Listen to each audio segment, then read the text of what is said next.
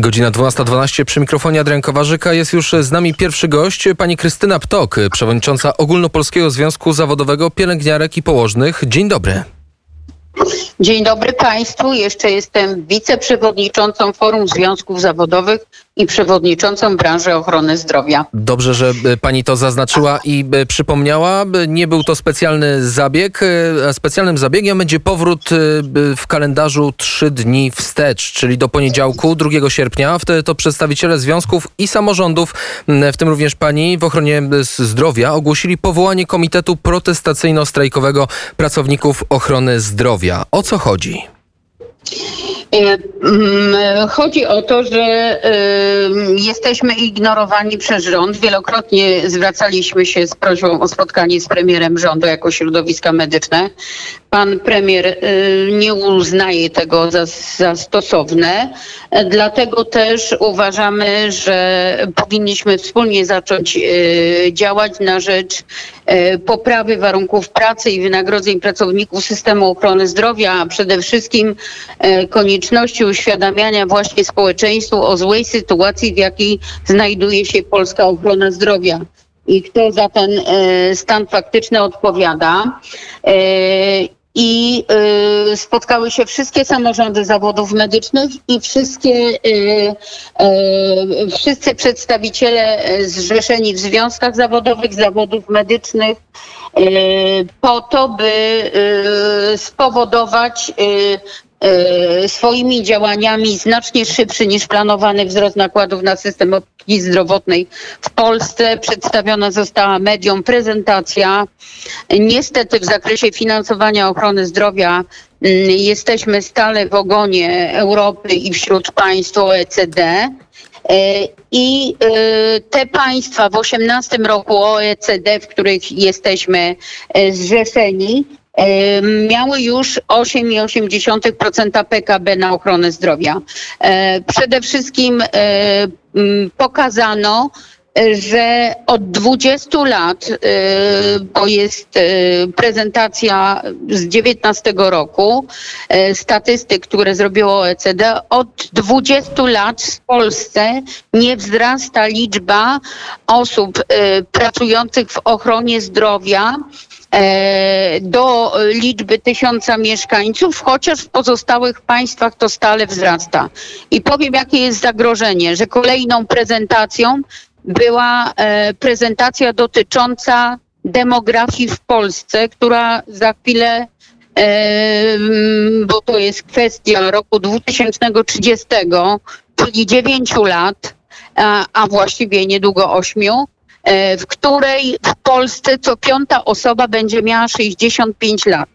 Osoby w wieku 65 lat y, mają wielochorobowość i y, w sposób y, zintensyfikowany korzystają z, ze świadczeń ochrony zdrowia. I jeśli w tej chwili polski rząd mówi o zwiększeniu jakości w ochronie zdrowia, mówi państwu, słuchaczom o tym, że będzie zwiększenie dostępności do świadczeń, to nie odpowiada nam na pytanie, jakimi siłami medycznymi to zrobi, bo jest to po prostu niemożliwe.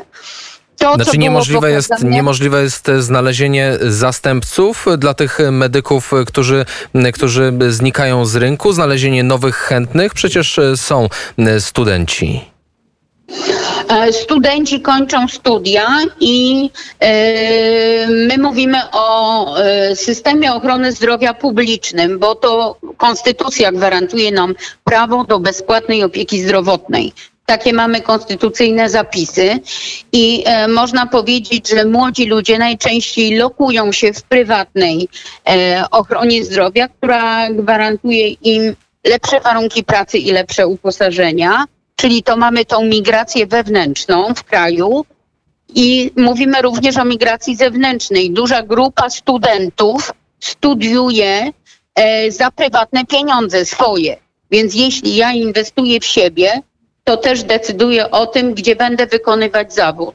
I te osoby też wyjeżdżają za granicę.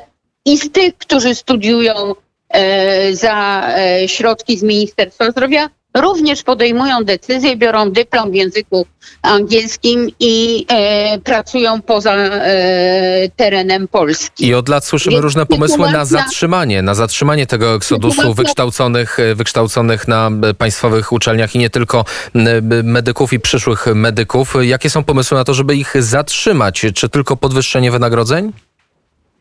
E, Sytuacja jest katastrofalna. My w Ministerstwie Zdrowia mówimy o tym, że to nie jest kwestia wyłącznie podwyższenia wynagrodzeń, tylko przede wszystkim to jest sytuacja poprawy warunków pracy. A my mówimy o poprawie warunków pracy pod kątem takim, że na przykład zamiast w oddziale szpitalnym, ja reprezentuję grupą zawodową pielęgniarek, pracować na zmianie e, jednej, gdzie mamy 40 pacjentów, e, co najmniej cztery pielęgniarki, żeby każda miała tylko 10 pod opieką, to się okazuje, że pracują dwie, czasami zdarza się, że jedna. Jeden technik elektroradiologii e, ma e, wykonać badania na szpitalu e, w ilości takiej, w której powinni, powinny wykonywać te badania dwie osoby. Więc natężenie pracą jest tak ogromne. My nie pracujemy na akord. My mamy wykonywać te świadczenia w taki sposób, aby pacjenci byli zadowoleni, a my czasami nawet e, nie mamy czasu z nimi zamienić po ludzku słowa. Co powiem, że we wszystkich badaniach pacjenci oczekują kontaktu interpersonalnego z personelem i poświęcenia tego czasu dla siebie. No dobrze, ale jeżeli zwiększenie nakładów finansowych to za mało, to co można jeszcze zrobić? A To mówimy o tym, że pracodawcy podmiotów leczniczych powinni, bo e, w tej chwili na przykład uchwalono ustawę o najniższych wynagrodzeniach i mamy sytuację, że nie zabezpieczono w sposób właściwy środków dla pracodawców i e, Forum Związków Zawodowych cały czas w zespole trójstronnym i ja reprezentując to forum i tym samym pielęgniarki i położne mówiłam, że tych pieniędzy jest za mało i w tej chwili rozpoczęły się e, ze strony pracodawców e, działania, które e, obniżają wynagrodzenie, zmieniają zakresy obowiązków, wypowiadają pewne części wynagrodzenia po to, żeby e, zmieścić się w kosztach, co e, powiem bulwersuje osoby zatrudnione, bo nie tak to miało wyglądać. My oczekujemy, że będziemy mieć stworzone lepsze warunki pracy i lepszą liczbę kadr medycznych w szpitalach, żeby młodzi ludzie, którzy wchodzą do zawodu, a e, chcemy ich w tym zawodzie zachować, nie byli przerażeni sytuacją, że krótko e, e, albo świeżo po skończonych studiach wrzucamy ich na SOR i są przerażeni sytuacją natężenia pracy, gdzie nikt nie ma ich pod swoją pieczą, bo dobrą zasadą wykonywania zawodów medycznych jest zawód mistrza i czeladnika, czyli ci, którzy przychodzą nowi, są pod opieką osób, które mają doświadczenie zawodowe. A ministerstwo, y, znaczy się, a parlament w tej chwili uchwalając ustawę o najniższych wynagrodzeniach, tak ją skonstruował, że w ogóle wziął tylko pod wzgląd e, wykształcenie nasze, a nie wziął innych aspektów, które się bierze przy kształtowaniu wynagrodzeń, takich jak doświadczenie zawodowe, odpowiedzialność, e, złożoność wykonywanych zadań e, i jeszcze wiele innych, jak i uciążliwości pracy, to jest kompletnie nie wzięte pod uwagę. I na przykład pielęgniarka, która kończyła e, w starym systemie liceum medyczne pięcioletnie, e, e, zwieńczone dyplomem pielęgniarskim, a teraz jest to licencjat, została e, z tą osobą zrównana, a jeszcze można powiedzieć, że dochodzi do sytuacji takiej niezrównana nawet, bo jest poniżej tego poziomu, przepraszam Państwa, ale na przykład pielęgniarka jest na poziomie sekretarki medycznej e, z wynagrodzeniem, która nie posiada wykształcenia medycznego i nie może udzielać świadczeń z pełnym szacunkiem do wszystkich osób, bo jest to organizm połączony, natomiast zakres odpowiedzialności takiej osoby jest zupełnie inny. No dobrze, ale ostatecznie wszystko rozbija się o te, tutaj muszę powiedzieć wprost, pieniądze. No tak, bo postulujecie e, państwo środowiska medyczne zwiększenie wynagrodzeń, e, zwiększenie liczby finansowych, e, finansowania świadczeń, podwyższenie jakości świadczeń dla pacjentów, no to też wynika pewnie z większych nakładów finansowych. No i przede wszystkim pierwszy, najważniejszy punkt, wzrost nakładów nakładów na system opieki zdrowotnej do 8% Tak, bo- PKB. E, Aktualnie plany w Polskim Ładzie to jest 7% do roku 2027. Jeszcze 5 lat temu te nakłady to było 4,5%, teraz jest lekko ponad 5%. To spory skok. E, e, ale niedostateczne.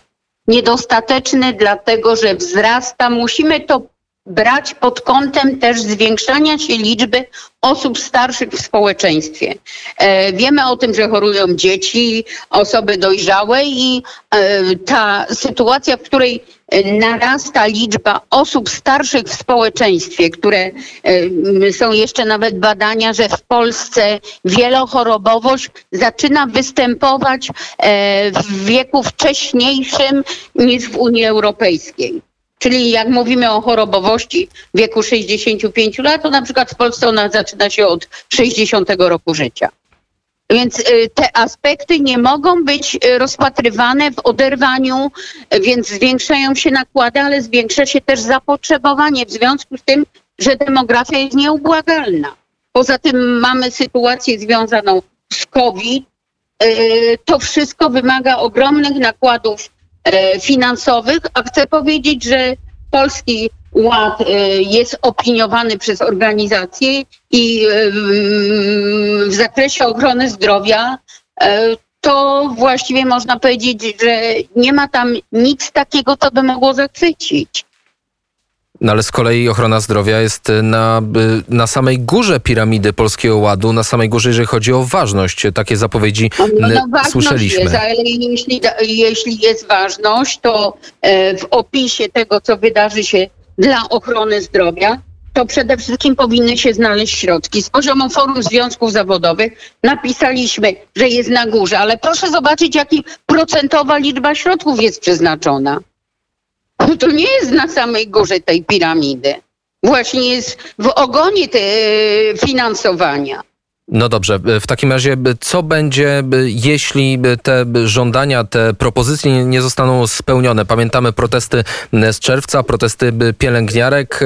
Padają słowa, że szykuje się wielki protest medyków na 11 września w Warszawie. 7 kwietnia w ramach e, podkreślenia, że to jest Światowy Dzień Ochrony Zdrowia, protestowało forum pod Ministerstwem Zdrowia. E, 12 maja protestowałyśmy jako środowisko same, pokazać, że jest coraz gorsza sytuacja w tej grupie zawodowej i stąd brak zainteresowania zawodem. Niedobory kadr w grupie pielęgniarek spowodują w najbliższym czasie zamknięcie 280 szpitali w Polsce i z tym wnioskiem szliśmy do Najwyższej Izby Kontroli. To zagraża bezpieczeństwu Polek i Polaków, o którym tak dużo mówimy. 280 Że- szpitali z ilu? Ile jest wszystkich szpitali? Tak, 280 i to dużych szpitali wojewódzkich. E, więc e, teraz, e, jeśli patrzymy na protest, który będzie 11 maja, my mówimy, że domagamy się. 11 byłyśmy września. Przepraszam, e, 11 września. Byłyśmy pod e, e, Sejmem e, jako środowisko pielęgniarek wsparte e, osobami z innych zawodów e, i e, e, głosami trzech posłów przegraliśmy głosowanie w Sejmie, żeby te wzrost wynagrodzeń był o wiele wyższy, żeby było zainteresowanie tymi zawodami medycznymi. Ja nie mówię o pielęgniarkach, ale to samo dotyczy techników medycznych, elektroradiologii, diagnostów. Ludzie nie chcą w tych zawodach pracować, a chyba też chodzi o właściwą diagnostykę e, dla pacjentów, obrazową i e, laboratoryjną. Więc e, teraz jak popatrzymy na protest, który ma być e, we wrześniu, to już idzie, idą wszystkie zawody medyczne.